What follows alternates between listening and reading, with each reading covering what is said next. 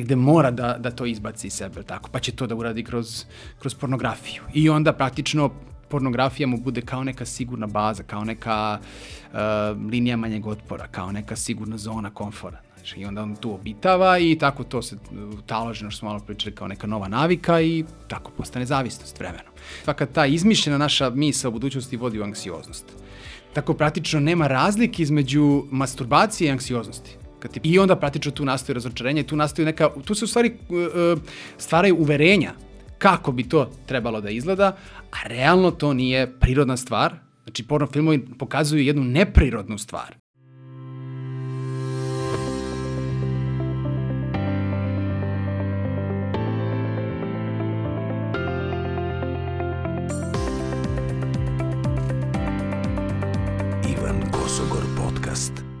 Ja sam naišao na tu statistiku da je 35% interneta, znači od 100% interneta koji se danas koristi, 35% se koristi za gledanje pornografije i skidanje, odnosno preuzimanje pornografije na računare. Potpuno onako uznemirujuća činjenica. Jeste.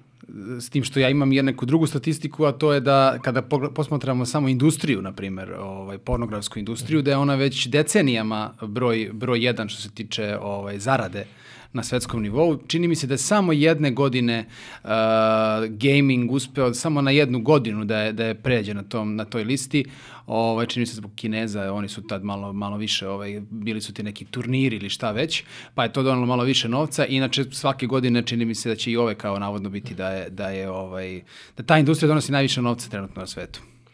Pornografija je kao ozbiljan problem, problem koji je onako prećutno, onako tiho prolazi kroz društvo.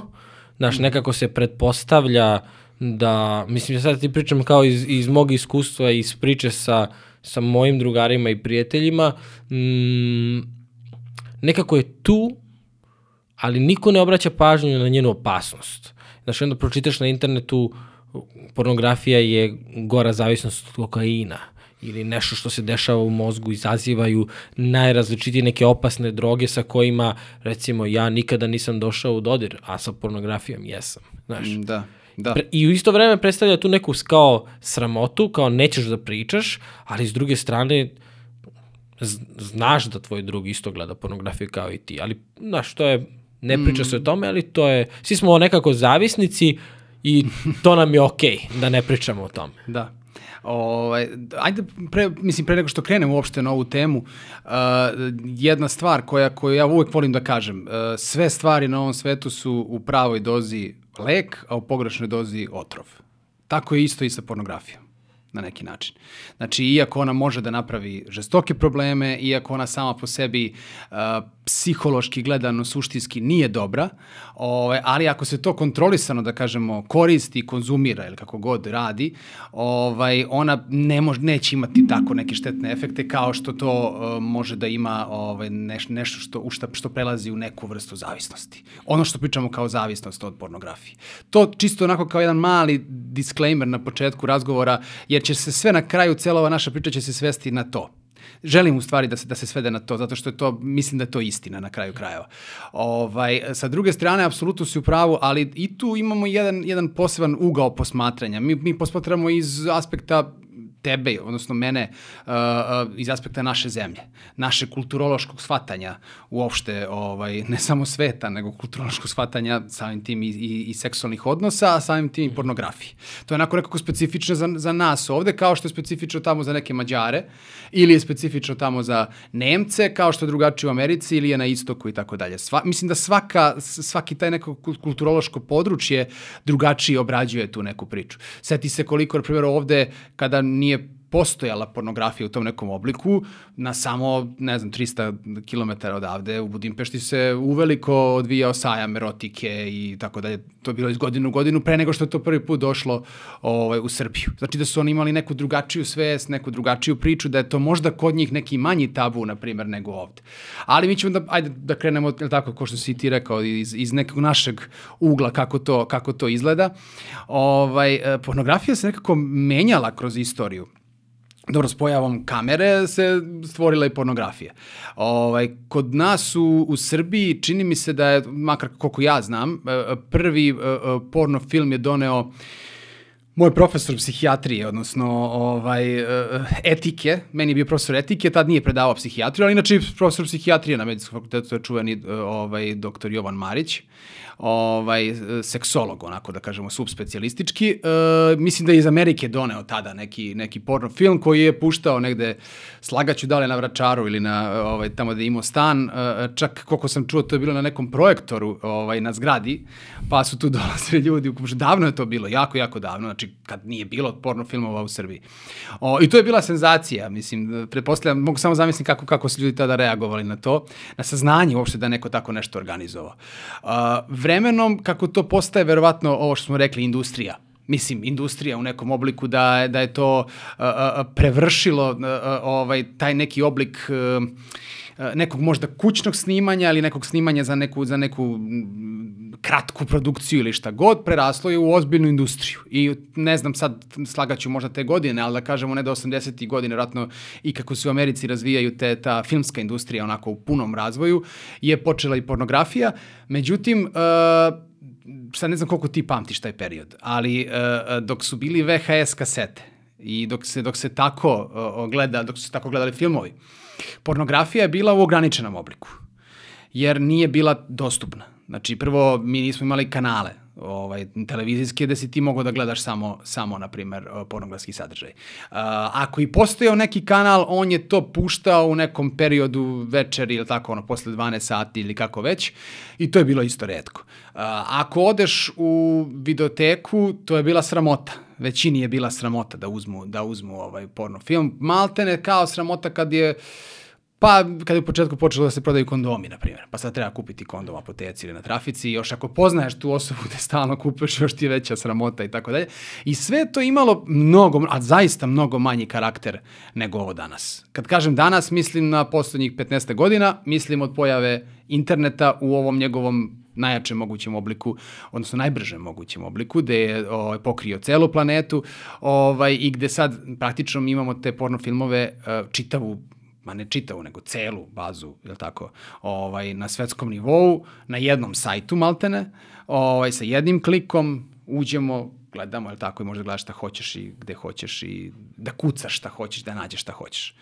E sad, šta je to, evo te dolazimo do tog, do, do tog momenta koji sam na početku rekao. Ovo je možda bila malo bolja doza a, dostupnosti pornografije. Bolja doza dostupnosti pornografije. Ovo danas je sigurno ekstremna doza dostupnosti same pornografije, koja je dovela do toga da ti klinci danas, aj pre svega mislim na klince, ovaj, mislim, ajde, ajde da razlimo te dve priče. E, e, e, mladi ljudi koji se susreću sa pornografijom, koji nemaju seksualno iskustvo, i koji uh, se kroz to na neki način edukuju i sa druge strane imamo starije ljude, je tako, odrasle ljude koji u stvari su uh, ili nisu ni u kakvoj vezi ili nisu ni u kakvom braku, pa konzumiraju ovaj kako se zove porno filmove i postaju zavisni ili su čak i u vezi ili u braku, ali su zavisni od pornografije. To su te neke karakteristike koje možda vuku ka nekoj patologiji, često vuku u stvari ka, ka, ka nekoj patologiji. Uh, za ove najmlađe, pošto su oni u nekom procesu edukacije, ko što sam rekao. Uh, ta edukacija, nažalost, kod nas ne ide putem roditelja. Mislim, trebala bi po nekoj logici stvari, jel tako, bi trebalo da uh, sin, jel tako, ima tu slobodu da popriča sa svojim ocem, ili ne mora sa ocem, može i sa starateljem, može da popriča i sa ujakom, može da popriča sa, da sa nekim starijim s kim ima tu slobodu da popriča otvoreno o tome i da mu neko otvori pre svega oči u onom smislu uh, šta to nije, a šta to jeste šta da očekuje, pogotovo uh, imamo i, i u samom seksualnim odnosima imamo ti nekoliko faza, pa je ta prva faza gubljenja nevinosti, ili tako, to je specifična faza u kojoj, u kojoj u stvari uh, ljudi imaju jednu zamisao, a ona je u praksi nešto totalno drugo. Ovaj, često je i bolna, često je i uh, uh, neprijatna. Tu, šta to nosi kao opasnost? To nosi opasnost da navuče određene traume da nauče određene traume u smislu da, da jednostavno uh, taj osjećaj koji je tada osetio e, e, blokira na neki način svaki sledeći put kada ta osoba želi da uđe u seksualni odnos, plaši se da će tako nešto isto da se desi ili da ne kažemo neka neka omaška ako se desi prilikom tog seksualnog odnosa. To nekako ostavlja, pa, mislim, mozak on pamti tu neku negativnu senzaciju, ako mu se pogotovo ako je ta negativna senzacija u prvom nekom iskustvu, onda se on praktično prevenira svaku sledeću situaciju i na tom nivou pokušava da ti uvuče strah, iako razloga za strah u suštini nema. Ovaj, e sad, ako dođemo do toga da se jedan klinac e, edukuje putem pornofilmova, jer su mu dostupni, zaista, mislim, nema tu nikakve kontrole. Ako on sedne za kompjuter, neki ima ispod 18 godina, oni ga tamo pitaju da li ima više od 18, on će klikne da ima, mislim, ko, ko to kontroliše na kraju krajeva.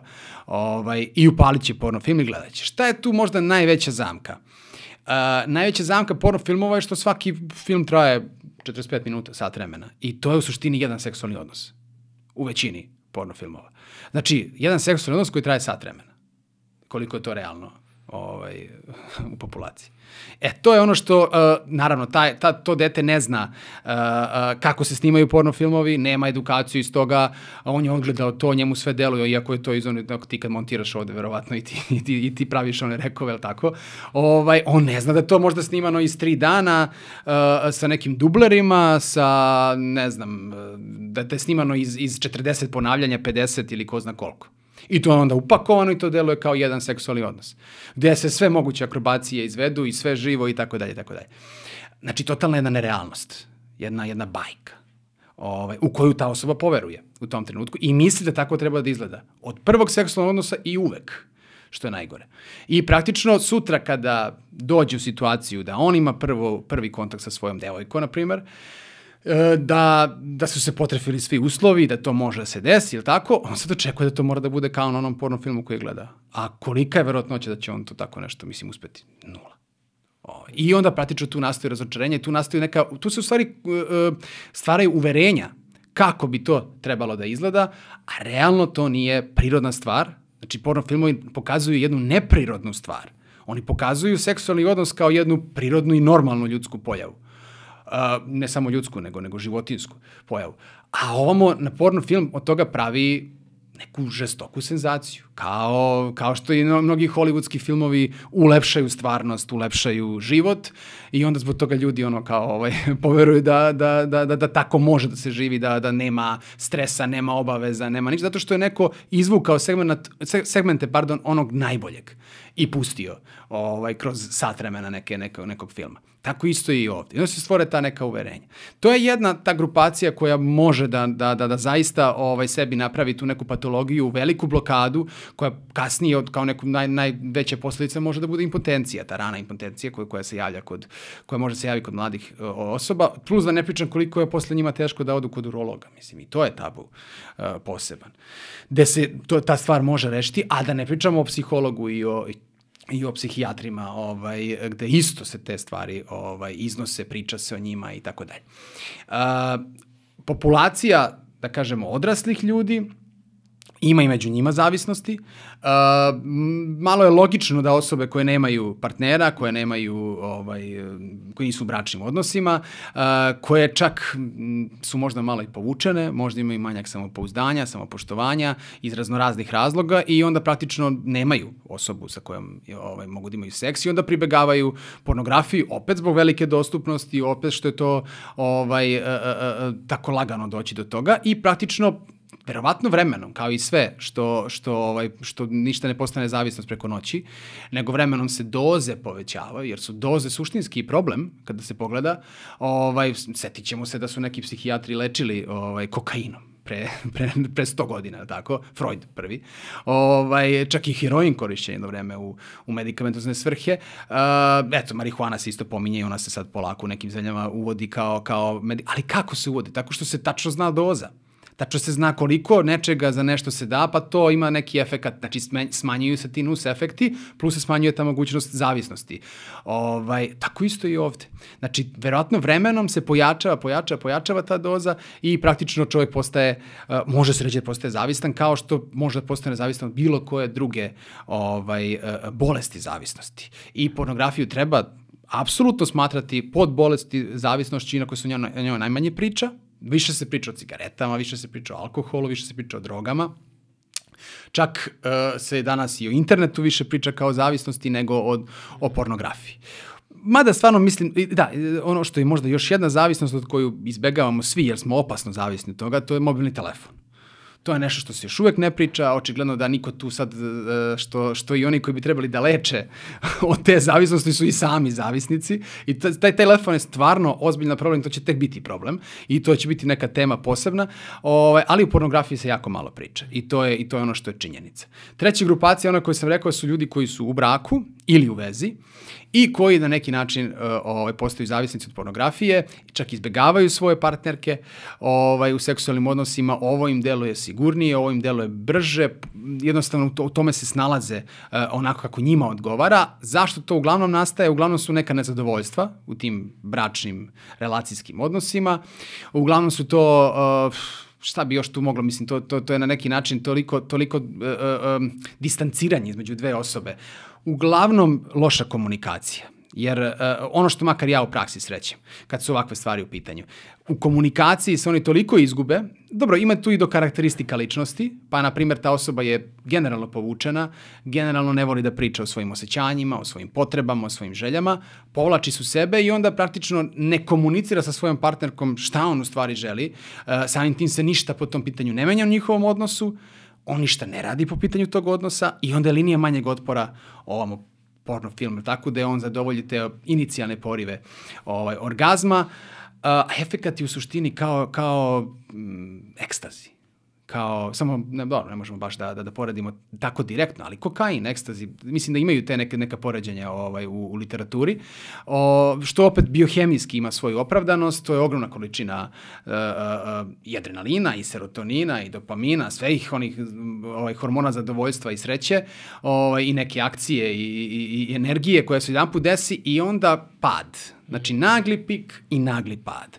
Zato mnogi, tako, posle masturbacije opisuju veliku izmorenost. I, i, i, ovaj, a ta izmorenost nije samo fizička izmorenost, tu ima i doze psihičke izmorenosti. Zašto? Zato što je to, e, uključuje se od onih emocija o kojima smo prošli put pričali, uključuje se ona emocija kajanja.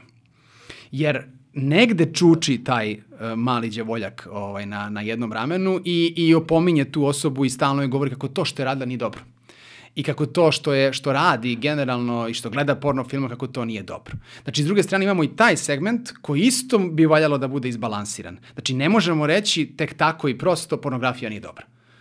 Jer ćemo tako navući krivicu mnogima koji ko, ovaj, koji koriste tako, pornografiju, ali da kažemo koriste u nekim normalnim količinama, normalnim dozama, normalnim, uh, ovaj, kako se zove, uh, nisu zaviste, da, da, da, da, se, da se tako izrazim. Uh, tu moramo da pazimo. Kad, ovo je jako škatljiva tema iz razloga što, što ne smemo srljati u neke zaključke, ne smemo srljati u neke osude, to može da napravi veliki problem. Pa možda baš zbog tih osuda i sramote se i toliko malo pričalo. Evo sad kažeš uh, internet, ne priča se o problemu interneta, ne priča se o problemu telefona, isto ako se ne priča o problemu pornografije, ali ti zapravo kad spojiš te tri, ti dobijaš tu jednu zavisnost. Tako je. Ovaj, od, da, od, to nisam primetio, da, tačno, da, pravo si. Ja, Mislim, tri samo bez jedne karike ti jest, nemaš, jest, jest, ako jest. nemaš telefona, nemaš internet, nemaš pornografiju, ako nemaš uh, internet, nemaš pornografiju, imaš samo telefon, ali nećeš ga koristiti da budeš na internetu. tačno. Razumeš? Tačno. Onako, uh, če, če, često se spominje ta rečenica kao da smo eto dobili društve, ove društvene mreže, telefone, digitalizaciju, ali niko nam nije rekao kako da koristimo. I onda smo možda čak i logično skliznuli u potpuno jednom drugom pravcu umesto da se edukujemo, da na internetu istražujemo, da radimo nešto što je nama korisno, mi smo uh, upali u tu zamku te primitivne potrebe da dođeš do orgazma. Međutim, ja sam čitao nešto vezano za, upravo kad si rekao umor psihički i fizički, da s obzirom da kada dođe do vođenja ljubavi, tada se um, srce, rad srca ubrzava na jedan prirodan način, a sa druge strane kad i dovodi i do orgazma i do nekih drugih biologija u telu, međutim kada dođe do samo masturbacije i odnosno gledanja pornografije, rad srca ne radi kako treba i ovaj zato recimo to, to se po, pogoršava kasnije seksualne odnose i to hoću da pričamo ti ja sada uh, kako pornografija uh, ajde da pričamo o neželjenim efektima pornografije ali mm -hmm. kako prvo utiče na uh, seksualne odnose kasnije, nakon... Da. Uh, ovo si dobar primer dao, zato što to je u stvari imaginacija.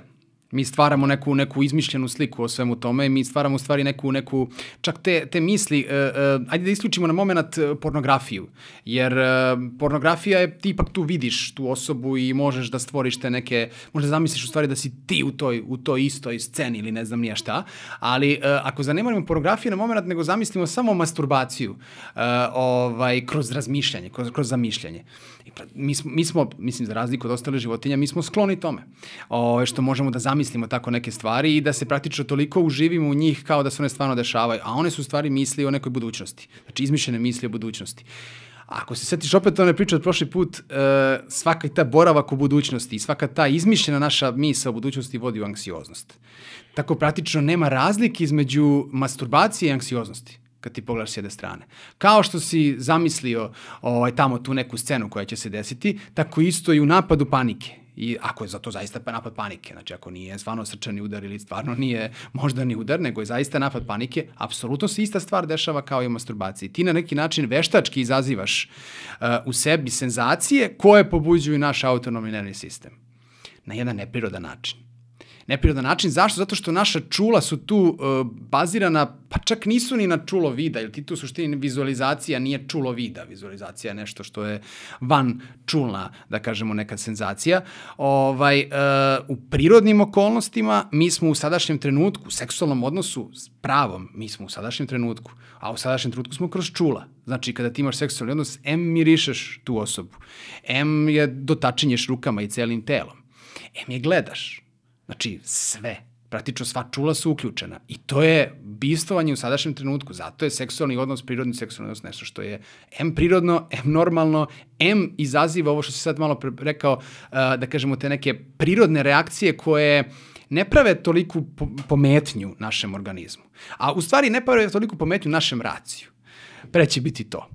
Ovo, ovaj, ovo nam je racionalno, ovo nam je realno, jer toga, zbog toga što smo u sadašnjem trenutku kada mi uh, koristimo porno filmove ili kada zamišljamo o masturbaciji ili kad imamo napad panike, ova paralela koju sam eto ovaj, dao, uh, mi u stvari pravimo jednu, jednu neprirodnu situaciju i naš organizam tako, tako i reaguje na nju.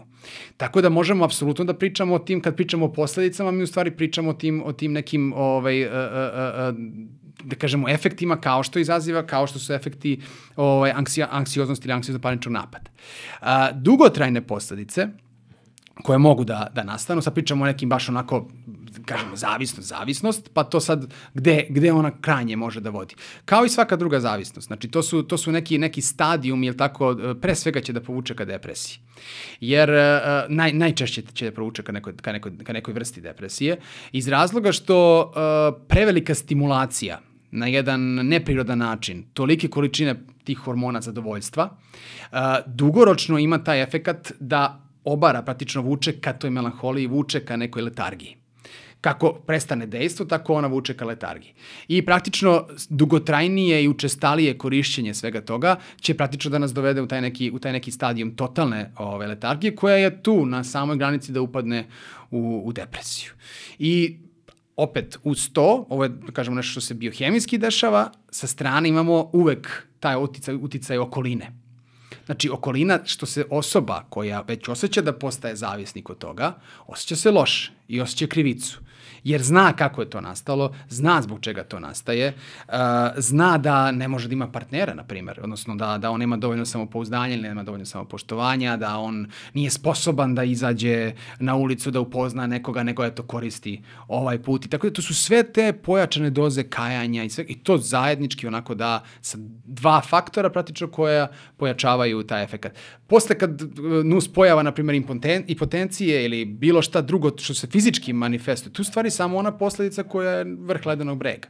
I, i svaki će vam psihijatar, pa čak i urolog reći da ovaj, je jako mali procenat te disfunkcionalnosti, uh, uh, pogotovo kod muškaraca, uh, ovaj, da kažemo te neke u, u pat, patofiziologije. Vrlo mali procenat. I oni to vrlo lako i, i prepoznaju.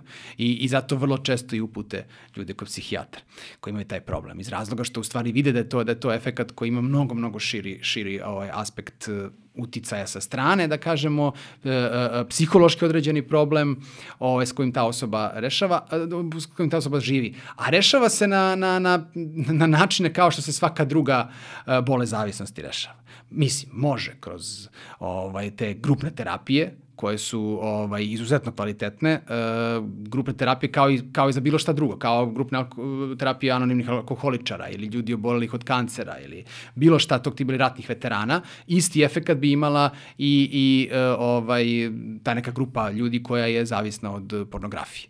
To je jedna stavka. Druga stavka je što, na primjer, u lečenju tih e, bolesti zavisnosti potrebno je naći drugu pasiju to, to postaje pasija, to postaje nešto za što se osoba vezuje, ona u tome praktično uživa, odnosno ona, to je njoj izvor, da kažemo, drogiranje po znacima navoda sa dopaminom i serotoninom i uzbuđenje i adrenalina ovaj, i trebaju naći nešto drugo. Onda se usmerava ta osoba na neki zaboravljeni hobi ili na nešto što bi volila drugo da radi, pa se forsira na neki način da počne time da se što više bavi. Ovaj, ta, na kraju krajeva, na primjer, lečen alkoholičar će vam svaki reći da je postao, ne znam, fantastičan kuvar ili je postao, uh, uh, ne znam, filatelista ili je nešto treće, nije bitno, ili počeo trči. Ima i toga. Znači nađu tu drugu, drugu pasiju za koju se vežu i to postane novi izvor, zdraviji, da kažemo, izvor, ovaj, kako se zove, uh, zadovoljstva. Ovo su sve, da kažemo, neki nezdravi izvori zadovoljstva. Kako možemo da prepoznamo da li je neko u zavisnosti ili nije? Naprimjer, kad pričamo o masturbaciji, sad svi, najčešće pitanje bude kao, pa koliko kao mislim, sme puta da se masturbira, ne znam, dnevno. Ili da li je normalno masturbirati u, u, kad, si, kad si u braku ili kad si u vezi i tako dalje. Ja mislim da je normalno. Mislim, ako je to u normalnoj dozi. I ako to ne remeti odnos između uh, uh, partnera i tebe i ako ne remeti vaš seksualni odnos koji ima primat. Znači, ako je seksualni odnos uredan, ako je partner zadovoljan i zadovoljan, to su dve različite kategorije, ako vaša veza funkcioniše kako treba, onda je sasvim okej okay što ti povremeno i masturbiraš. Ili gledaš porno film i masturbiraš. Ali to se jasno vidi. Dođe čovek koji masturbira 20 puta dnevno, na primjer. I on ima rane na polom organu. Znači, on, on, se, on, on je došao zbog toga što ima rane, što se povredio. I ti on tebi onda jasno, svakom urologu ne bude jasno da, da, da, da to poremeće, da je to problem. Tako, neće niko doći zbog jedne masturbacije dnevno da, da ovaj, kako se zove, da neće osetiti nikakve ni posledice čak, je tako? E, tu, tu je sad, opet se vraćamo na doze. Znači, ka, gde je ta doza, gde je ta, šta su prioriteti u celoj toj priči? Ovaj, uh, uh, mislim da se oko toga najviše, najviše vrti cela ta, cela ta ovaj, filozofija i cela, ta, cela, cela taj znak pitanja vezan za ovu temu. Kada kažeš šta su prioriteti, na što misliš? Na ovo što sam malo pre rekao, znači da ako si u braku, ako si u vezi, ne sme partner da pati. Ne sme partner da bude, ovaj, zavisnost i od pornografije, od masturbacije se stvara upravo zbog toga što ne funkcioniše veza, što je to beg od veze, od suočavanja s nekim problemom u vezi, od suočavanja sa sobstvenim problemom koji se u stvari ispoljava i na vezu i na, jer mi smo sistemski povezani, kad, živimo u porodici, kad živimo u nekoj zajednici, svi mi utičemo jedni na druge. Znači, ako sam ja nešto zbog sebe u nekoj depresiji, nervoza, nešto mi ne funkcioniše, to će se odraziti na mog partnera. Ako ja ne pričam o tome, ako ne radim na tome, onda to samo eskalira i progredira. Tako nastanu uh, uh, ovaj, zavisnosti od pornografije i od masturbacije u braku ili u nekoj vezi. Isključivo iz tih razloga. Što sama veza ne funkcioniše, što seksualni odnos ne funkcioniše, što tu na neki način e, komunikacija nije dobra, ne ispoljavaju se želje, ne ispoljavaju se potrebe i onda dolazimo ovamo do, do, ovaj, do ove pojave ovaj, da, da ljudi pribegavaju nekom, da kažem, to je escape, baš pravi onako escape iz, iz, iz problema. Neće se sočati s problemom, nego mi je ovo lakša linija manjeg otpora. A zašto je onda teško kada shvatiš da je pornografija problem? Da prestaneš. Jer, evo sada, ti ovo sve što si ispričao, je, o, cela priča i zašto mi je bilo važno da pričamo o pornografiji jeste jer no, prvo mnogo ljudi mi je pisalo, drugo pre nekoliko godina kada sam pročitao prvi put da je pornografija problem. Jer do tada, znaš, ono, pričaš sa vršnjacima, drugarima, kao, mislim, ne spominje se u svakoj rečenici, ali kao znaš da, da oni gledaju isto pornografiju i ti to vidiš kao jednu vrstu normalnosti, znaš.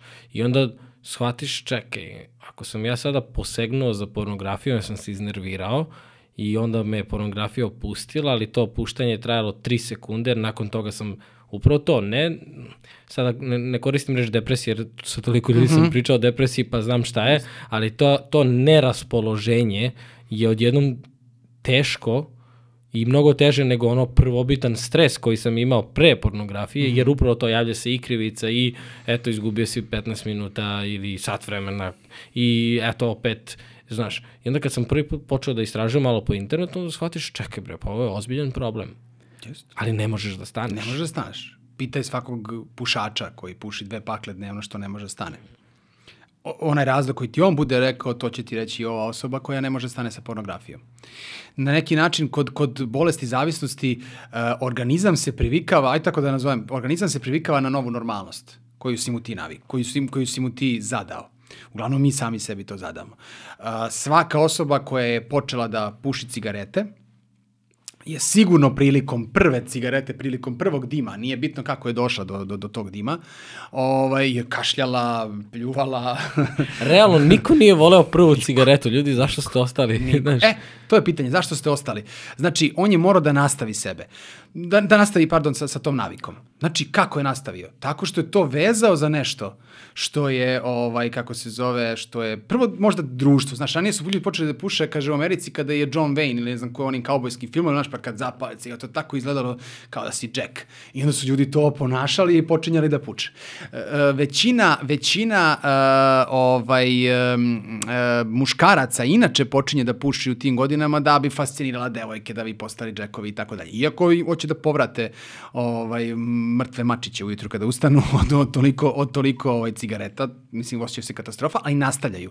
Vežu za kafu, to će ti svako reći da je uz kafu krenuo da puši, ili uz neke ovaj, socijalne kategorije, cigarete, na primjer socijalna kategorija, i ona okuplja ljude na nekim pauzama i tako ti stvari, pa tu kao našteraš sebe dok si tu i dovoljno da to ponoviš pa sad nau, nauka kaže koliko ono, tri meseca, da bi se nova ta struktura u mozgu kao neki novi put Neuron. formirao, tako je, i to je neka nova navika. Čiju, da si ti praktično totalno istisnuo tu neku naviku ovaj, uh, uh, pre toga koja je bila gde nisu postojale te cigarete. Znači, to, tebi bila u stvari navika da ne pušiš, a ti toga nisi bio svestan. To je bila navika. Ti si zamenio to sa navikom da pušiš. Plus, kod cigareta imamo i nikotin koji stvara posebnu vrstu zavisnosti. Mada postoje ljudi koji puše, koji su pušači koji nisu nikotinski zavisnici. Ima toga. Oni najlakše ostave cigarete. Oni bace cigarete i karakterom, voljom, ali ima ljudi koji su zavisnici od nikotina i koji, koji ne mogu. Ako se vratimo na pornografiju, to je ista priča. Znači, ti moraš da mnogo puta to ponoviš, ponoviš, ponoviš, da forsiraš. Ja to nekad zovem uh, uh, kažnjavanje, bičevanje sebe. Znaš, jel, jel, I alkohol se nikome nije svidio. Znaš, ti daš malom detetu alkohol, će onom pljune, kak, znaš, kak, za, zašto, zašto ovo pijete? Će svako dete te pita. Ovaj, uh, ali si nastavio, nastavio, nastavio, nastavio, nastavio, dok organizam se nije prilagodio na to, kažem, nova normalnost, da njemu to maltene više nije neprijatno. Više mu nije neprijatan ukus alkohola, čak počinje da ga voli. Više mu nije neprijatno što on masturbira, jel tako, čak u nekom trenutku i osjeća i prevaziđu taj osjećaj krivice, jer jednostavno se više ni ne razmišlja o tome, jer to mu je postalo svakodnevnica. Kao što imamo pušač više ne razmišlja o krivici, što puši cigarete, ni ti osjeća bilo kakvu krivicu. Uh, do duše, ima pušača, ima alkoholičara koji su zavisnici, ali osjećaju da to nije dobro i priznaju za sebe da to nije dobro i oni se jako brzo i jave, prepoznaju problem, jako se brzo jave. Kod njih u stvari ta neka zdrava doza griže savesti koja se stvorila, zdrava doza straha je se pretvorila u preventivu i njima je to sinulo kao neki signal. To će i nekim ljudima sa pornografijom isto se desi. Pa će se javiti ranije i kod njih je najveća šansa da se to što pre ovaj, reši. Kod ljudi koji to prolongiraju, koji čak i nisu svesni toga, tu je ozbiljan problem. Ne možeš ni da ih pošalješ na, na odvikavanje. Neće. Bilo šta da, i, i, i narkomani, i alkoholičar ili bilo šta. I onda ljudi zovu, to, to, je, to je neko, neko najčešće nemoćno pitanje koje, koje, koje mi dobijamo, o, jer kako da nateram njega da dođe na odvikavanje, kako da, ne, nema, nema, nema tu odgovora. Ja, ja, ja prvi ne bih znao šta da kažem, ovaj, kako da nekoga nateraš da dođe na psihoterapiju ili da dođe na odvikavanje nečega. Šta da mu kažeš? Kad znam da ta osoba neće, ako ta osoba nije svesna, nema tih reči koje će nju ubediti. Da li to treba zakonski uvoditi, da li to treba rigoroznije, ne znam nija da neka inspekcija proverava, da ono, to sad već neko pitanje onako malo uh, više, vi- visoko pitanje, sistemsko, ovaj, o kome možda treba razmišljati uh, ako želimo tu neku preventivu. Mada bi tu bilo dosta grešaka dosta loših procena. Ko je taj koji to može da proceni pravo? Gde su granice, kako da odredimo da li neko i koliki zavisnik i tako dalje. Tako da po istom tom principu, ali zanimljivo je da i kogod da ostavlja cigarete, on mora da prođe kroz tu torturu ovaj, kogod da hoće da ostavi pornografiju, kogod da hoće da ostavi alkohol, mora da prođe kroz torturu od 3, 4, 5, 6 meseci, godinu dana, gde će da namerno na silu uh, instalira taj novi, novi neuron, što si rekao, odnosno tu novu naviku, staru naviku, da je bez alkohola.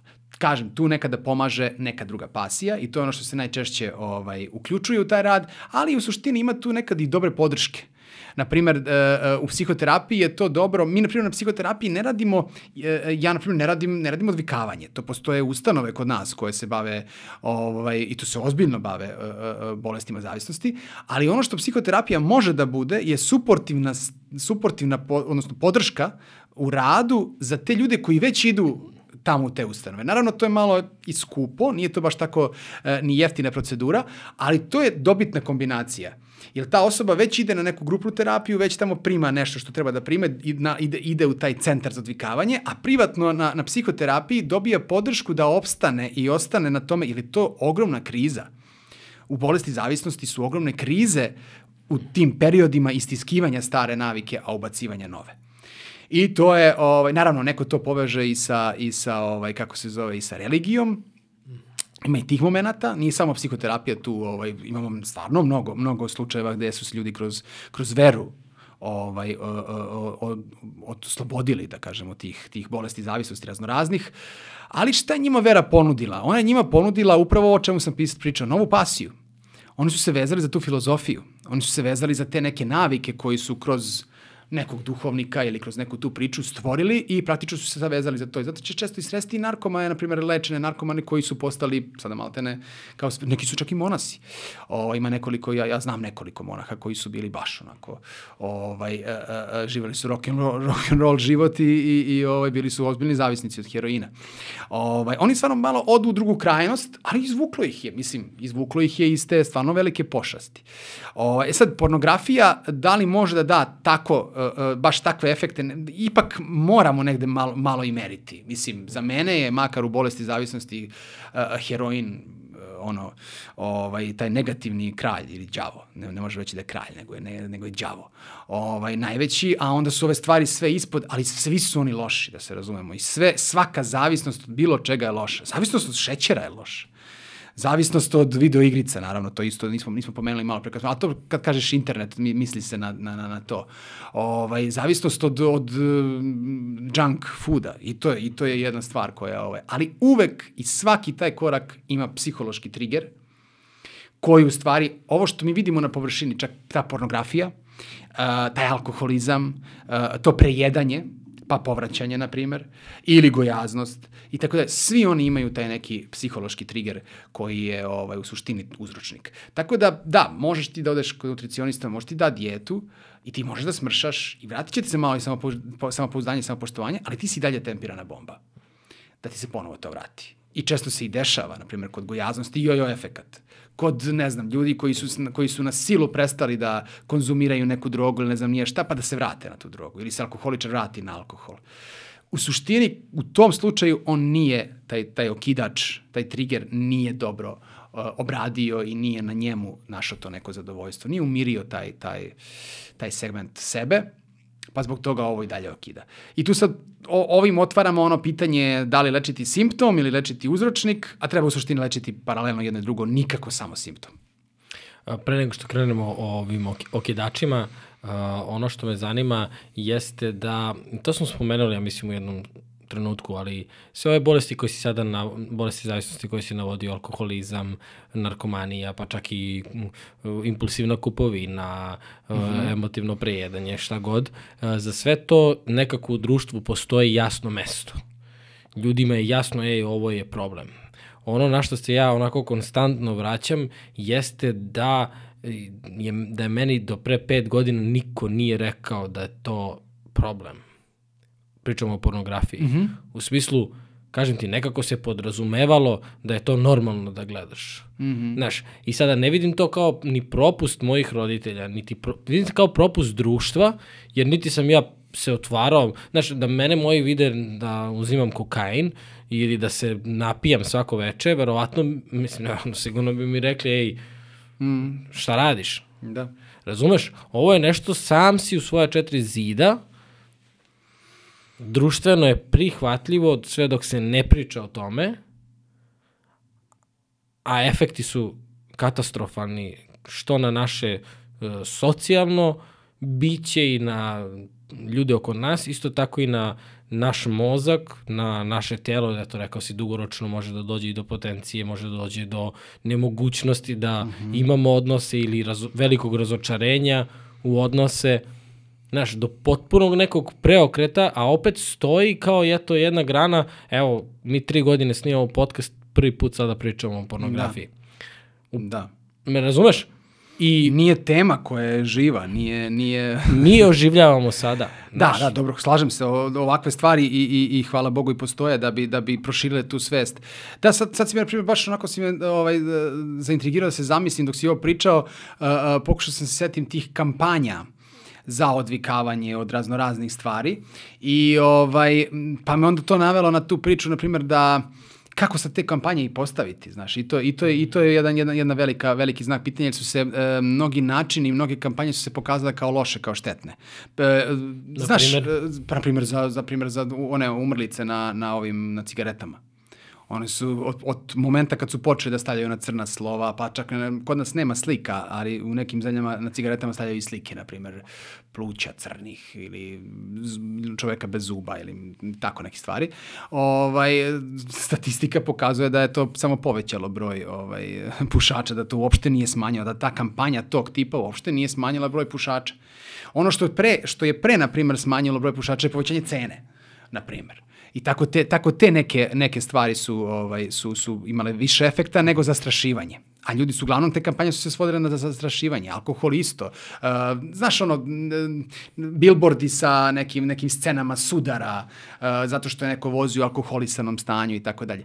Ljudi dalje ne shvataju, čini, meni nije jasno kako ti ovaj, marketinški magovi ovaj, još, uvek, još uvek ne shvataju, neki u stvari shvataju, pa više ne koriste te stvari. Da zastrašivanje čoveka ne vodi ka tome da ti to suzbiješ i smanjiš. Uh, naravno, mora da postoji zdrava doza tog straha ta zdrava doza, ko je sad pametan da nju napravi, da nju odredi. Ali ona sigurno nije masakr slike ili neke slike sa, sa patologije ovaj, koje će da uplaše čoveka. e, zna, e, zna zašto nije? Zato što smo oguglali na to, jer to gledamo u filmovima. Tako je. Pogotovo mlađe generacije da. koje, koje, gde se sve više i više horror filmova snima i, i gde, gde to praktično postala normalna ova jedna. Ranije je to bilo kao nemoj da gledaš. Tako, ovaj, da. roditelji su zabranjivali deci da gledaju pa se vodila i, i veće kontrola oko toga. Uh, jest, uh, ne priča se o tome, nema te šire svesti, uh, maltene se smatra kao normalno.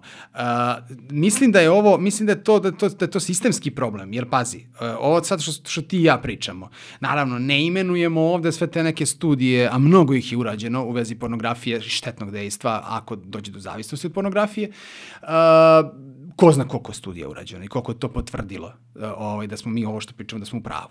Uh, koliko je za alkohol? Ja ne mogu da ti da ti, da, da ti, da ti sad ovaj nabrojim uh, uh, sve te svetske do sada urađene studije koje, koje pokazuju štetno dejstvo sistemski na organizam. Ne samo psihički, nego sistemski.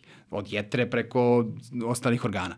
A, za cigarete neću ni da pominjem. Mislim, pogotovo industrijske cigarete koje se, koje se danas puše i tako da je. Ne mislim, ne mislim toliko na onaj stari neki duvan. Na naš. duvan. da, kad neko tamo u Hercegovini kaže Ima ja ga gajio. sedam jutra duvana. jest, ja ga gajio, ja ga posadio, ja ga sušio, znaš. I ovaj, on ga i sa merakom, što kažu ovaj, tamo u Bosni, ovaj, on ga sa merakom i puši.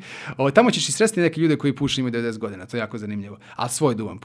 Ovaj, ali ovamo, ovamo, znaš, ova industrijska priča gde, gde tu ko zna šta i, i kako spakovano, ovaj, uh, imamo milion studija koje pokazuju štetin efekat. Ti cigarete možeš kupiš na, na, na trafici. Recimo lična i- karta. Evo, rekao si kao za neki sajt neko će da te pita koliko imaš 18 18 plus. godina, pa to je isto kao da napišem na vratima zaključano, a ti vidiš ključ u bravi. Da, tako, je, tako, tako, je. koliko mislim, ko mi brani da uđem. Da. Jel tako? Znači, taj, taj moment ne, e, ne bih da upadam u teorije zavere, ali prva naša rečenica ovde je bila da je to najbogatija industrija trenutno na svetu, pornografija. Ali imaš neke države, e, pogotovo neke institucije, e, gde ne možeš da pristupiš na internetu pornografskom Ima. sadržaju. Ima. A kod nas je ono, Ima, e, mi, mislim da, da islamske države, ovaj, e, de- desilo mi se da sam pa, ja živim u jednom kraju ovaj, Voždovca gde je nekada bila, čini se, libijska a, a, ambasada, odnosno ne, bila je neka škola za libijsku djecu. Sad tu žive, ovaj, a, a, a, ovaj, kako se zove, Libici sa svojim porodicama tu žive i obitavaju tu u kafiću. Ovaj, I par puta sam ih video kako gledaju zajedno, gledaju porno film, njih pet, pet šest, sednu i gledaju porno film. Ovaj, e, zato što je ovde dostupno. E, e, tamo u njihovoj zemlji, tamo je ili negde na istoku, verovatno, ovaj, e, koliko sam čuo, ne možeš da pristupiš takvim ovaj, sadržajima uopšte. U Dubaji, je tako isto, to, to sam isto čuo da ne, nema šanse da, da, da, da dođeš do takvih sadržaja. Znači, ipak neko tamo tu svestanje te, te štetnosti, opet je to povezano sa religijom, Znači, e, islamska religija baš onako eksplicitno tu, tu priču i onda samim tim je povezana i sistemski sa državom i sa vladom koja to na nekom, e, tom nekom baš onako jakom e, zakonskom nivou to, to zabranjuje. Mislim da kod nas nije toliko. Kod nas, kod nas e, čak i vera i religija pominju, naravno, da, da, da ne bi trebalo to raditi, da to nije dobro, da je to, čak kažu da je to blud ovaj, sa jedne strane. Ali ovamo na, na, na, na drugoj strani niko ti ne brani, što ti kažeš, znaš, ono, samo klikneš i tvoje je. Nije, čak ne, niko ne kontroliše da li je neko maloletan ili punoletan. A i da je, kažem, i da je maloletan, da je punoletan, e, ovaj, mnogo se pokazalo u praksi da, da, da punoletni ljudi koji se eto smatraju kognitivno stabilnim ili hormonski stabilnim od nekih tinejdžera i tako dalje, upadaju u istu zavisnost kao, kao, kao i svako drugi. Oni, oni će čak i da upadnu u zavisnost, klinci, uh, tinejdžeri, ali neće upasti u zavisnost. Oni će više da, da stvore neke, neka uverenja. Oni će, kod njih je to veća opasnost, što će to stvori neka uverenja, neka iracionalne ovaj, misli i tako dalje i da se razočaravaju. Uglavnom, ovi koji su kognitivno, da kažemo, zreliji, upadaju u zavisnost. To je, to je paradoks. plus dodaju i očekivanja kod klinaca, Tako na, je. povećan broj nasilja, Tako je. koji se isto tako povezuje, znaš. Mhm. Mm -hmm. Mislim, nije naivna stvar i ti sad si spominjao si studije i tako da je svrha ovog našeg današnjeg razgovora je više otvaranje pitanja i ukazivanje na problem, mm -hmm. a Mhm. ne samo rešenje, jer prosto kompleksna je stvar. A, ajde da krenemo o tim okidačima. Šta su najčešći okidači sa kojima si se ti susrećao i kroz praksu, a, susretao, susrećao, Bože. Mm -hmm. Ovo ćete morati montaži. sa čim si ti sve susretao i šta misliš da su ovako sada iz glave dok pričamo, šta misliš da mogu biti okidači, jer prosto treba treba ih prepoznati, znaš, nije uvek lako napraviti to samo posmatranje i okrenuti se, e kao, evo, znaš, kad se ovo desi, ja radim ovo, jer mi smo uslovno, mm. uslovna bića dosta, znaš, iako toga nismo svesni. Teško je dati, teško je dati jednu uh, reč, odnosno u jednom, u jednom primeru objasniti, zato što ja mislim da kad tome vodi uh, ko zna koliko puteva i ko zna koliko različitih nekih, um, neću kažem malformacija, ali nekih, uh, da kažemo, uh, patoloških putanji vodi ka tako nečemu. Pre svega, ako uzmemo, na primjer, grupaciju ljudi koja ima nizak nivo samopoštovanja i nizak nivo samopouzdanja, samim tim ne dolaze tako lako do seksualnih odnosa, pa pribegavaju, uh, na primjer, ovoj zavisnosti. Kod njih uvek možemo da se vratimo na taj period detinjstva i ono što će se u ogromnom veći, ovaj, broj slučajeva ja, ovaj, ispoljiti i odnosno ukazati je da je to uh, do temelja suzbijano samopouzdanje i samopoštovanje od strane staratelja, staratelja, odnosno roditelja ili kogod je bio taj koji je bio tutor prilikom odrastanja tog deteta. Da li je to omalovažavanje? Da li je to E, da li to da, da, da, da je preterano bila vojnička disciplina. E, kad kažem vojnička disciplina, to mislim i korišćenje batina u nekim nenormalnim količinama i e, da su to patološke porodice, strukture porodice, da je bilo puno svađa, puno e, ovaj, ti nekih toksičnih odnosa i tako dalje, gde je dete odrastalo sa tako nečim i praktično ovaj, nije razvilo, da kažemo, te neke karakteristike samopouzdanja, e, niti, niti ima e, svest o tome kako neke emocije ispoljiti, kako reći rečima, ovaj, objasniti kako se osjećaš, kako ovaj, svoje potrebe i svoje želje nekako saopštiti da li partneru, da li bilo kome, je tako? Dolaziš do te tačke gde ta osoba praktično stupa u jedan stadijum života gde nema samopouzdanja da priđe devojci, nema samopouzdanja da ostvari taj kontakt. I onda je njoj ovo beg da, da zadovolji taj, taj prirodni uh, poriv u nama, ovaj seksualni poriv. Jer negde mora da, da to izbaci iz sebe, tako? pa će to da uradi kroz, kroz pornografiju. I onda praktično pornografija mu bude kao neka sigurna baza, kao neka uh, linija manjeg otpora, kao neka sigurna zona komfora. Znači, I onda on tu obitava i tako to se talože, što smo malo pričali, kao neka nova navika i tako postane zavisnost vremenom. Sad sam dao samo jednu liniju moguću, od ko zna koliko različitih hipoteza kako nešto može da nastane. A, ako uzemo, na primer, uh, sad krećemo uvek od krajnje uh, situacije pa se vraćamo nazad. Ako uzemo neku priču vezanu za brak i sad, ne znam, muža koji u tom odnosu postaje zavisnik od pornografije, znači, a ima ženu, uh, ovaj, koji je ženi ima porodicima sve. Uh, ako se vratimo nazad, ono što jedna od hipoteza može da bude da, na primjer, u njihova diskomunikacija, u, u, u ovaj, ovaj, znači, totalno su izgubili, izgubili taj tu nit, ili možda nikad nisu ni imali, ovaj, kvalitetnu komunikaciju o tome šta žele, kako žele, uh, šta kako se on osjeća u datom trenutku. On ne da te sve svoje frustracije koje lično nosi iz svog, da kažemo, privatnog života, onog, onog privatnog dela života u braku. To svako od nas ima. To je da li naš posao koji radimo, da li je to neka naša unutrašnja priča koju nosimo, to je naša individualnost u braku. On ako to ne ispoljava dobro, čak i ako ne iznosi to pred svog partnera, ako ne priča o tome, jer ne zna da objasni tako dalje, onda se on povlači u sebe, to se to, to automatski vodi distancu ka, ka, ka partneru i praktično se gubi taj odnos njihov, vremenom, vremenom, vremenom se to, uh, ovaj, izgubi se ta komunikacija među njima, ne priča se, sve se manje i manje priča, sve se manje i manje ovaj, uh, iskazuje emocije, sve je manje i manje seksualnog odnosa, opet sve je više i više potrebe za seksualnim odnosom i onda se ovaj, ode ka, ka, ka pornografiji. Ili se ode ka prevari. Uh, žena, na primjer, koja ne priča šta je, šta, ili, ili ne uspeva da dođe do svog, do svog partnera koji se tako ponaša, ona prevari ga, na primjer. To su te neke situacije, ali opet, opet krećemo od toga. Ovo je ono što mi vidimo na površini. Ona njega prevarila.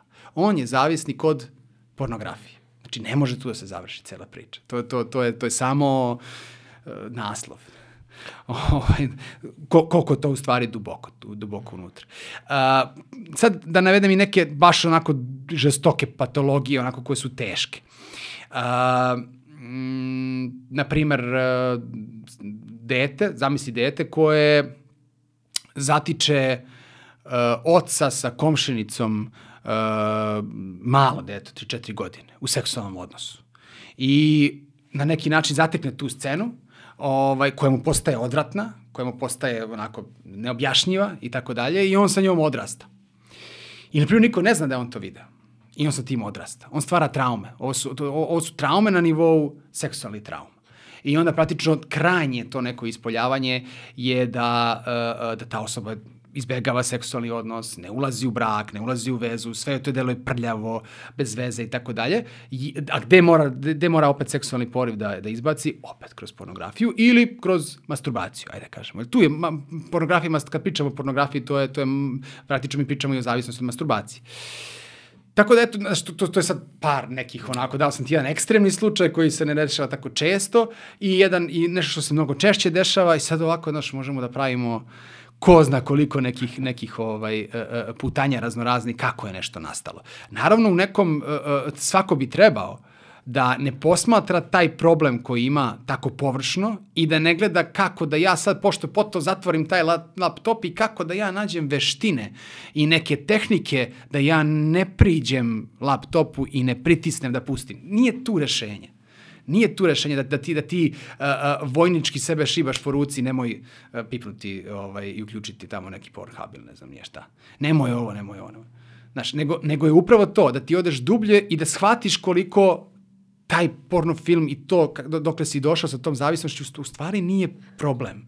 Nije to problem. Problem je negde da nisi u koracima pre toga uh, obradio te korake, nisi se suočio s tim nekim koracima, na, na mnogo nivoa si pre mogao da, da, ovaj, da reaguješ i nikad nije kasno da se na tim nivoima reaguje. Samo je zaista u nekim slučajima uh, promeniti ta neka uverenja, promeniti te neke koncepte, obrazce ponašanja koji su se već vuku iz, iz detinjstva ili se vuku iz porodice, iz te nekog, nekog uh, socijalnog ovaj, konstrukta, uh, nekada je baš potrebno puno vremena da se to ovaj, u glavi prelomi.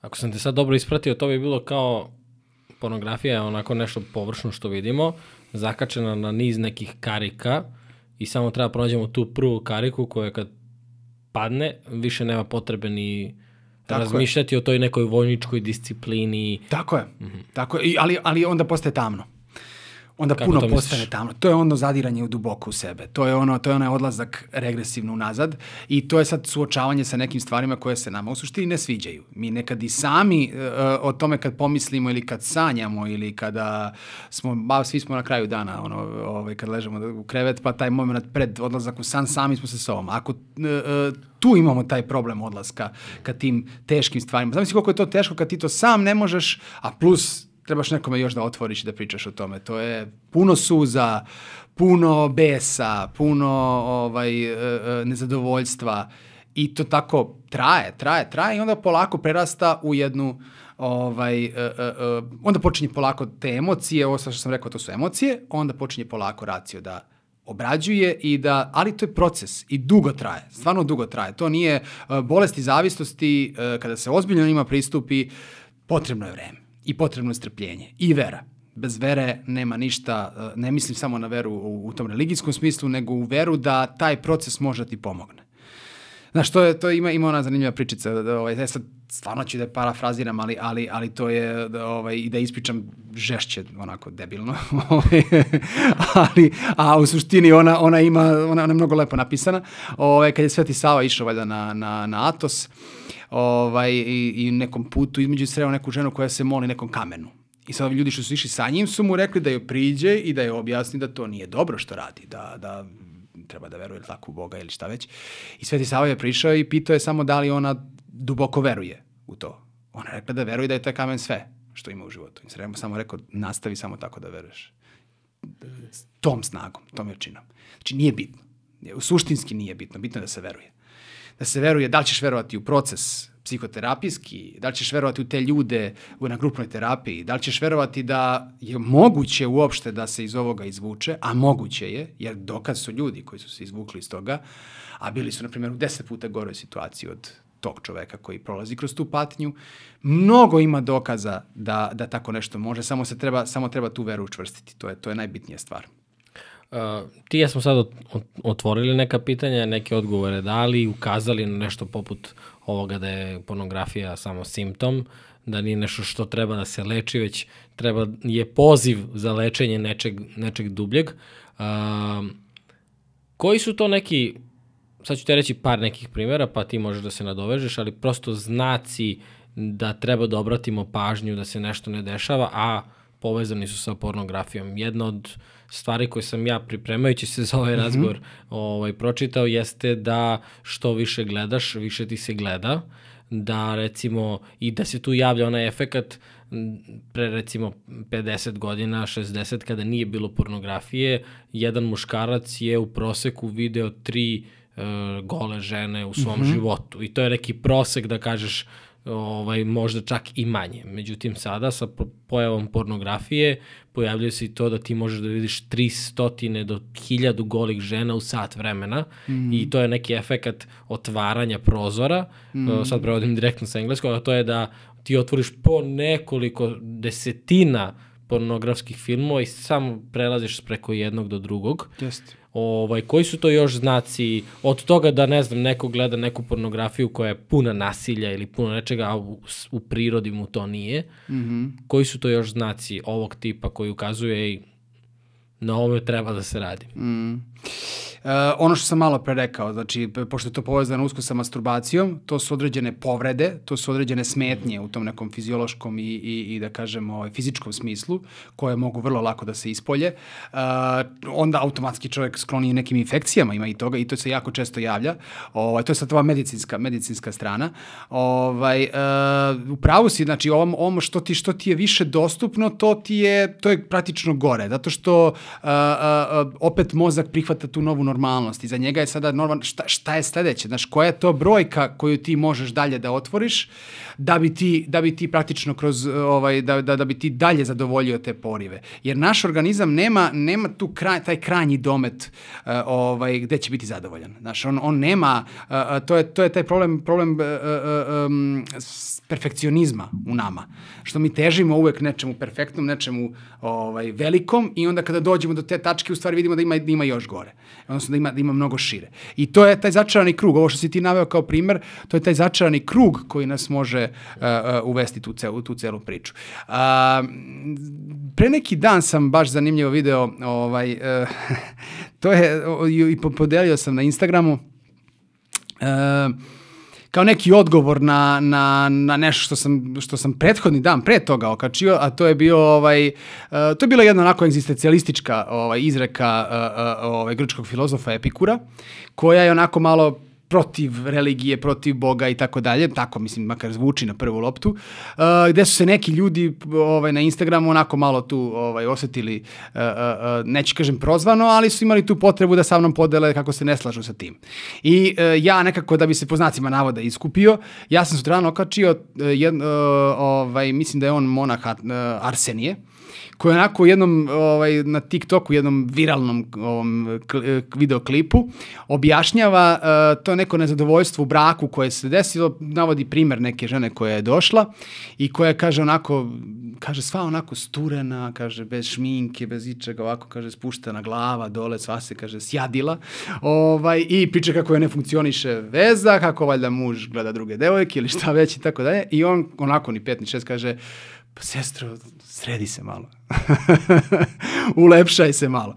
I onda kad sam to okačio, to je mnogima bilo smešno i mnogima je bilo, mada je bilo i onih osuda u smislu ne bi trebao ovako da priča jedan monah uvek nikad nećeš zadovoljiti ljude sa tim stvarima. Ne može se narodu pozlatiti. ali, da. a, nema šanse. Ali, ali uh, ovo, taj primer je odlično za ovo što si ti sad pitao, znaš. Uh, ako se vratimo na onaj moment uh, gde sam ja rekao da je to jedna disfunkcionalnost, smo to sve bacili, stvarno možda sam i ja previše tu muškarca ovaj, okarakterisao kao negativno u celoj toj priči zato što je pribegao ovaj, nekom uh, pornografskom sadržaju pa postao zavisnik od toga ili beži od toga ka, ka pornografiji. Ovaj, sigurno tu odgovornost i žene. Ono, to što je, to što je, što je monah rekao u toj izreci, to je nešto što se zaista puno javlja u braku. A, a, mnogi mladi, mnogi bračni parovi doživljavaju taj moment, jeste, teško je, dolaze deca, dolaze neke obaveze, dolaze tu sa milion nekih stvari i ti najmanje misliš na sebe a to najmanje, kada najmanje misliš o sebe, mislim, kako, kako da bilo šta drugo dobiješ pozitivno, ako sebi prvo ne daješ bilo, bilo šta pozitivno. Drugim rečima, ako krenemo od tih banalnih stvari, znači, uh, uh, da li izgledamo lepo, da li smo se zapustili, da li smo uh, pustili stomak, pa više nismo privlačni partneru, pa opono. To onda dovodi do tog segmenta da prvo nismo privlačni, pa onda izbegavamo da pričamo, pa onda izbegavamo da kažemo šta želimo i tako da to, to jedno na drugo se tako pakuje i onda ta osoba pribegne. Znači, vrlo odgovor na, na ovo tvoje pitanje može da bude i daj da više vodimo računa o sebi.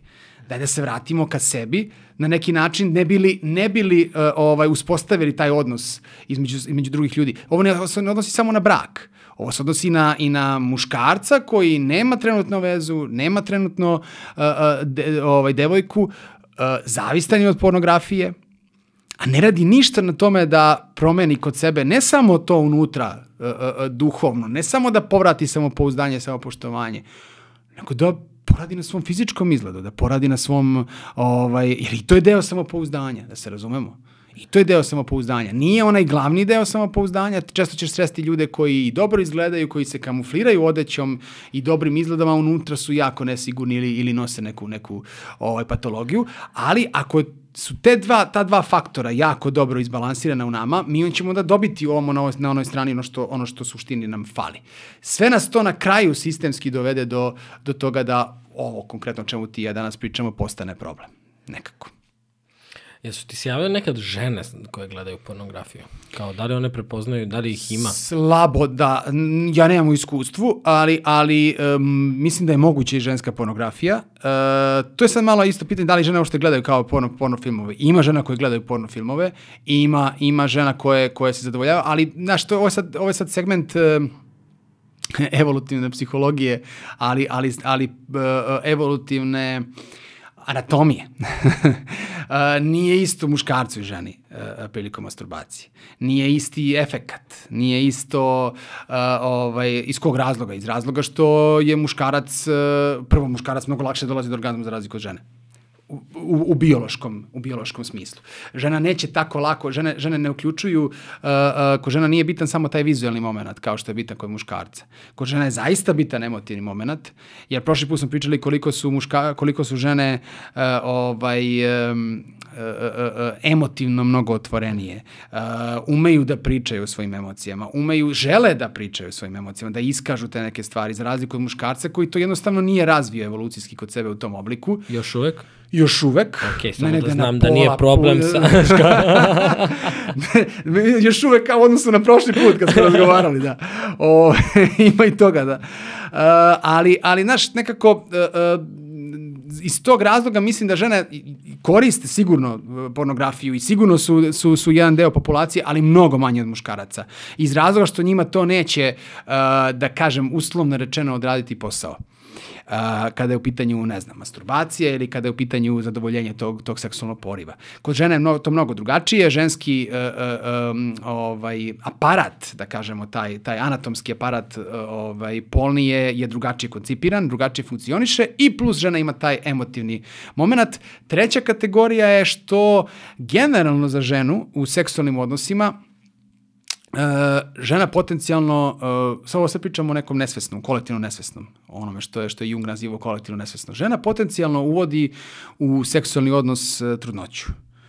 I, ok, na nekom kognitivnom nivou ona može da kaže sebi uh, koristit ću zaštitu ili može da kaže sebi da stavila sam spiralu ili ne znam popila sam tablete ili može da kaže sebi da da ovaj da da postoji rana, rana e, ejakulacija i tako dalje.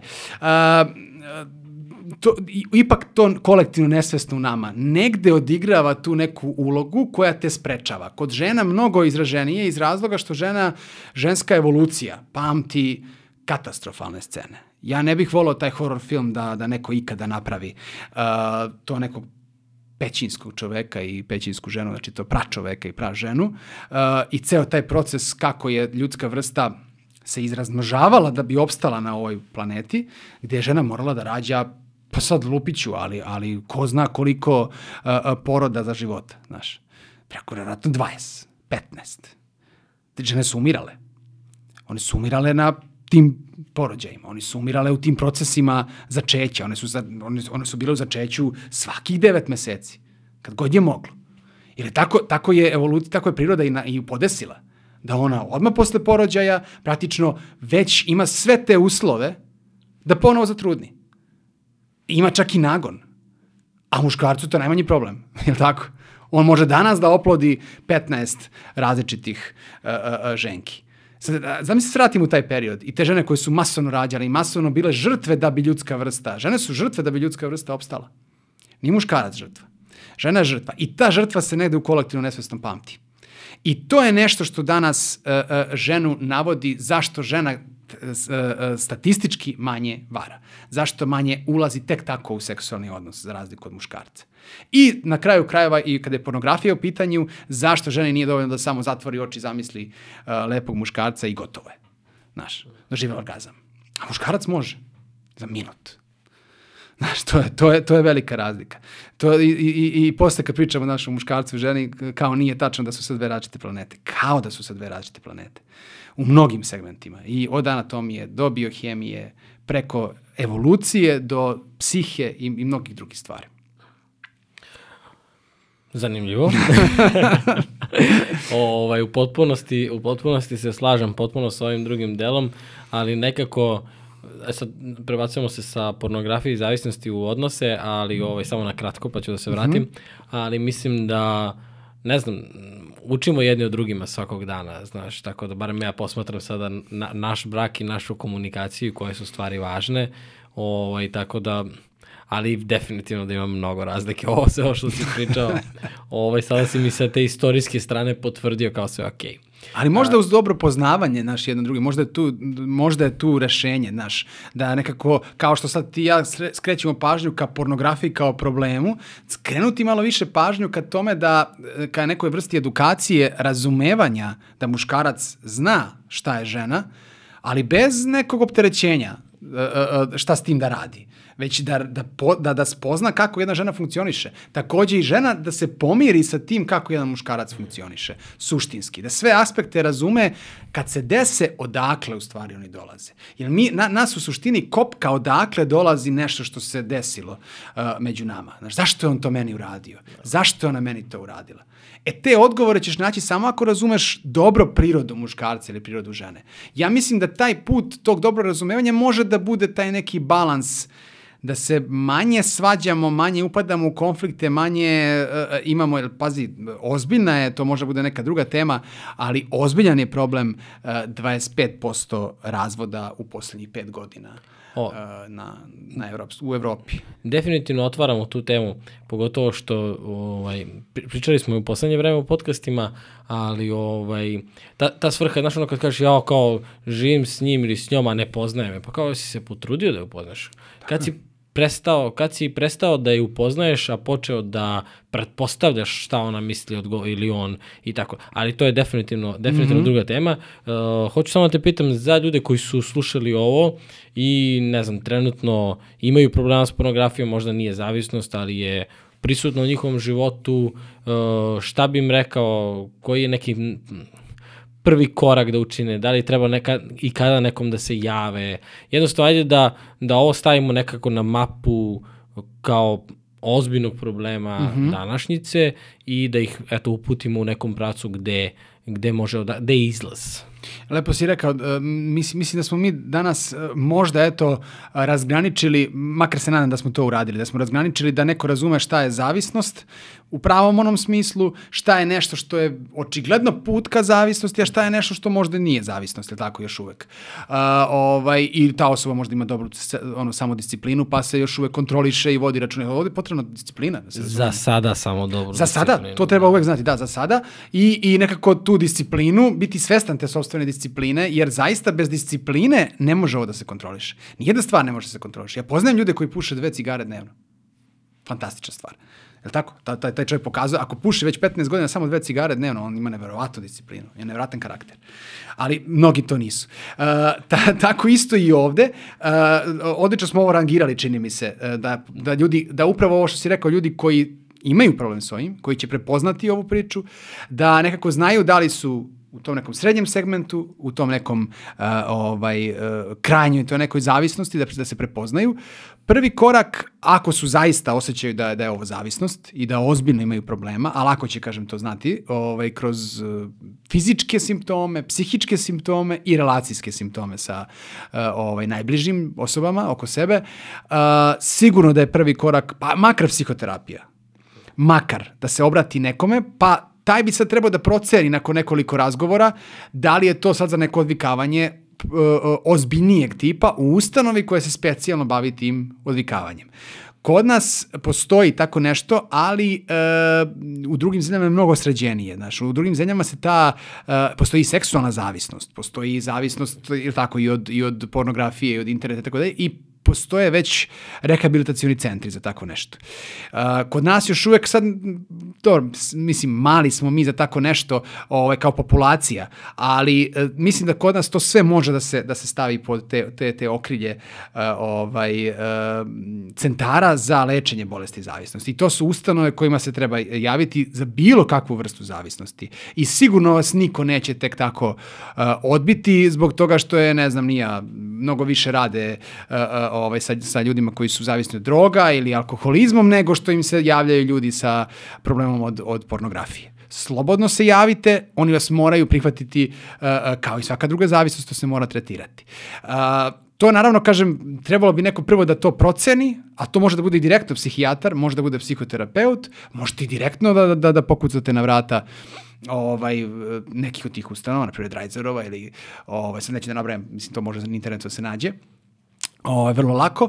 A, to je korak da kažemo za one ljude koji su svesni da su preterali i da imaju ozbiljne probleme. Oni ljudi koji vide da je ovo u povoju, a, možda ne treba da idu na, na, na, u te rehabilitacijne centre za sada, sasvim im je dovoljno da pokušaju uh, psihoterapijom, radom na sebi, uh, svim tim nekim drugim stvarima. Njima čak i knjige neke mogu da pomognu, a ima dosta, dosta knjiga koje, koje ok, možda nema na ovu literaturu, u pravu si mi pričamo ovde da bismo pokrenuli nekoga da napiše tu knjigu, ali ja se sećam knjige koju je napisao Alan Carr.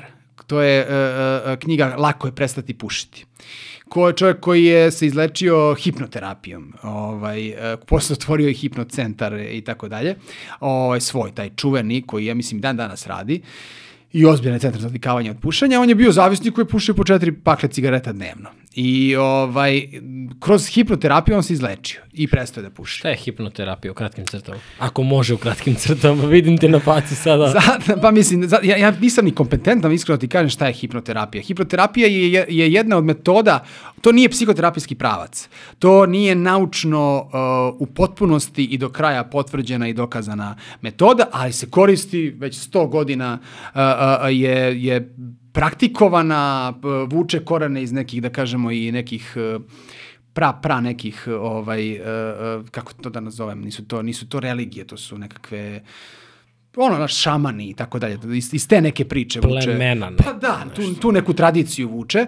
Ovaj, u svakom slučaju vodi se kao alternativa i dalje, zato što naučno nije dovoljno dokazana. Međutim, uh, mislim da se polako, uh, uh, da su se polako izborili da budu neka vrsta tehnike pomoćne pri nekom uh, terapiju. Znači, vode se kao neka vrsta tehnike. Jedna od stvari u potencijalno nekom uh, uh, psihološkom pristupu. Ali nije još naučno potvrđena stvar, tako da iz tog razloga ne mogu ni da opišem šta je sad, ali u suštini uh, eto kako je njegova knjiga, na primjer, svako može pročitati njegovu knjigu i da shvati otprilike efekat uh, uh, hipnoterapije. Ta njegova knjiga Ali stvarno ću onako pa, uh, uh, da, da je isparafraziram i da je, da, da je ukratko ispričam šta je ona, ona dugačka, ima 200 strana. Uh, uh, ko pročita tu knjigu, navodno statistika kaže da preko 85% ljudi ostavi cigarete. Što je genijalna stvar, da se ne lažemo. Znači, 85% ljudi ostavi kad pročita tu knjigu. A, problem u tome je što od uh, procenta ljudi koji su uzeli tu knjigu u ruke, mnogi, mnogi nisu završili tu knjigu. Jer su se uplašili da će ostaviti cigarete. Tako da u suštini ta knjiga je možda jedna od, od najpoznatijih knjiga koja je, koja je najmanje pročitana. Ovaj, upravo jer je vodila ka tome, ona te postepeno vodi ka tome da si ti svestan da ćeš ostaviti. Uh, ja to nazivam, tu knjigu nazivam pranjem uh, ovaj, mozga. Uh, gde u suštini, čitajući tu knjigu, konstantno se ponavlja i konstantno se govori o tome koliki si, uh, kolika si budala što pušiš cigare. On ti navodi milion i jedan primer a, a, a, zašto to racionalno nema veze sa mozgom što ti radiš. I koliko si ti doveo sebe u zabludu na mnogo, mnogo nivoa a, svog života da je to dobro, da je to super, da je to cool, da bez toga ne možeš i tako dalje. I znaš, kad se to ponovi toliko puta, to polako uđe u mozak i polako počinje da ti stvara neki osjećaj gađanja prema sebi i tebi onda na kraju ne dođe da, da, da, da znači muč, mu, mučna ti je cigara da zapališ nakon toga. Čekaj, da li je preporučuješ ili ne preporučuješ? Preporučujem, da, da, da, ja mojim klijentima, ja, kad, kad oni kažu, joj, mnogo puši, treba bi da ostavim, ja rekao, znaš šta, rekao, ja, ja Lako stvarno ne radim na tome, ima knjiga, probaj, ja sam je pročitao, iako ja nikad nisam bio pušač, ovaj, nikad nisam imao problema, ja, ja znam da zapalim cigaru, zapali me nekada i tako dalje, ovaj, ali više hedonistički onako, ovaj, ali, ali e, pročitao sam tu knjigu i bilo mi je jasno o čemu se radi i, i baš posle te knjige Uh, uh, uh, nikad mi više, nikad više cigarete nisam gledao istim očima. I celu tu priču sam u stvari vidio iz jedne druge dimenzije. Nažalost, taj Alan Carr je uh, umro na kraju od karcinoma pluća. Iako 15 godina nakon uh, toga nije pušio, ali ne može organizam da, da se očisti od tamo 30-40 godina takvog trovanja i on je negde taj njegov gen je okinuo, verovatno i cela ta priča otišla svojim tokom, ali ostaje je za stavštinu i on ima taj neki centar uh, koji radi u Americi, koliko ja znam, a ta knjiga je jedno vreme bila ozbiljan bestseller, jedno vreme je nije bilo. Ja sam jedva izvukao neki PDF uh, na internetu pa sam to davao klijentima, oni štampali i tako dalje. E sad je ponovo neko bacio u štampu, očigledno da se ponovo vraća ovaj, uh, u aktuelnost. To je, eto, hipnoza ima, ima taj neki efekat, ali kažem, ja nisam ovaj, tome blizak, ali kad vidim, kad poznajem neke ljude kojima je to pomoglo, uh, ali opet se to svodi, uh, to, to zaista da znaju svi. Neće hipnoza svakome pomoći. E, zašto? Zato što moraš da budeš specifičan tip ličnosti da bi ti tako nešto pomoglo. To je nešto što mi nazivamo autosugestijom. Da li je neko sklon autosugestiji ili nije sklon autosugestiji. Znači imamo neku filozofiju sad neku pametnu rečenicu. Nije tebi isto da li će to izgovoriti ja, da li je to izgovori neko koga uopšte ne poštuješ i koga ne voliš, očima da vidiš, ovaj, ili izgovori neko ko je u tvojim očima Bog, ta neka osoba ovaj, ti ćeš toj osobi ili tako da poveruješ žestoko i da počneš da veruješ u to, počneš da praktikuješ to. E, tu ima segmenta, uh, uh, tu, ima, tu ima efekat, uh, ovaj, kako se zove, ta vrsta uh, um, autosugestije u, u, u psihoterapiji. Znači, nije sve za svakoga. Da li ova knjiga isto može da se prebaci za pornografiju, pa dok čitaš da uzimaš temo, da Pa modeluješ? Bi, da modeluješ, da. Ako, ako, ako, Ako znaš da ako modeluješ. znaš da modeluješ, da, i to mora, ali to je, pazi, to je to isto kreativna stvar, to bi neko, lepo si sa ideju dao da bi, da bi, na primjer, jedna knjiga takva mogla da se izmodeluje kroz to koliko u stvari ti imaš iracionalnih uverenja i koliko dovodiš sebe u zabludu zbog toga što gledaš pornografiju u tim količinama. Isto je i za alkohol i tako dalje. Moglo bi, da. Sad ne znam da li bi imalo efekta, jer za ovo za pušenje nekako, ovaj, um, otku znam, pušačima baš puno. Znaš, i onda je ta knjiga vjerojatno i doživjela tu, tu ekspanziju jer je ovaj, uh, uh, uh, imala veliku, ve- veliko tržište. Znaš, ima mnogo više pušača nego alkoholičara. Mnogo više, nenormalno više pušača nego, nego zavisnika od, od pornografije. Ali što ne znači da se neće promeniti vrlo brzo, jer je internet mlada stvar i zavisnost pornografije je mlada stvar. To nije pušenje, puši se već ko zna koliko stotina godina. Ovo je alkohol isto. Ali e, pornografija je u stvari svoj jek doživjelo posljednjih 15 godina kako se kako internet e, ovaj tako da ćemo mi posledice tek videti i pornografije i telefona i zavisnosti od gaminga i od interneta generalno i tako dalje. Pa mislim, posledice su tu, kao kažem ti, uh, Već istraživao sam, sve više mladih parova ima problema da da da postanu roditelji, znaš, mislim, gomila nekih stvari, ali za sada smo napravili neko, ja se nadam, uh, dobar temelj i da se prosto ova tema stvarno stavi na mapu i da se što više priča. Ja hoću da pozovem i ljude koji, koji nas slušaju ili gledaju da nam u komentarima pišu uh, neka njihova pitanja, da nam ukazuju za neke ljude ili stručnjake koji su obrađivali ovu temu ili koji dalje obrađuju ovu temu. Eto, prosto ostavit ću dosta prostora u, u podcastu mm -hmm. za, za bolesti i zavisnosti iz, iz ovog ugla razgovora i postavljanja ti nekih pitanja, davanja informacija, upozoravanja i tako dalje. A, mnogo mi je drago da smo se upoznali sad lično, prvi smo put radili online, nekako je ovako bilo na ivici, da li ćeš stići, da li Jest. ne, mi sutra putujemo, bežiš. ja bežim, tako je bilo i jurnjava, ali ovaj, I meni je drago da smo da smo je uspeli, drago. ovaj jer prošli razgovor nam je stvarno bio ovaj meni je bio jako inspirativan.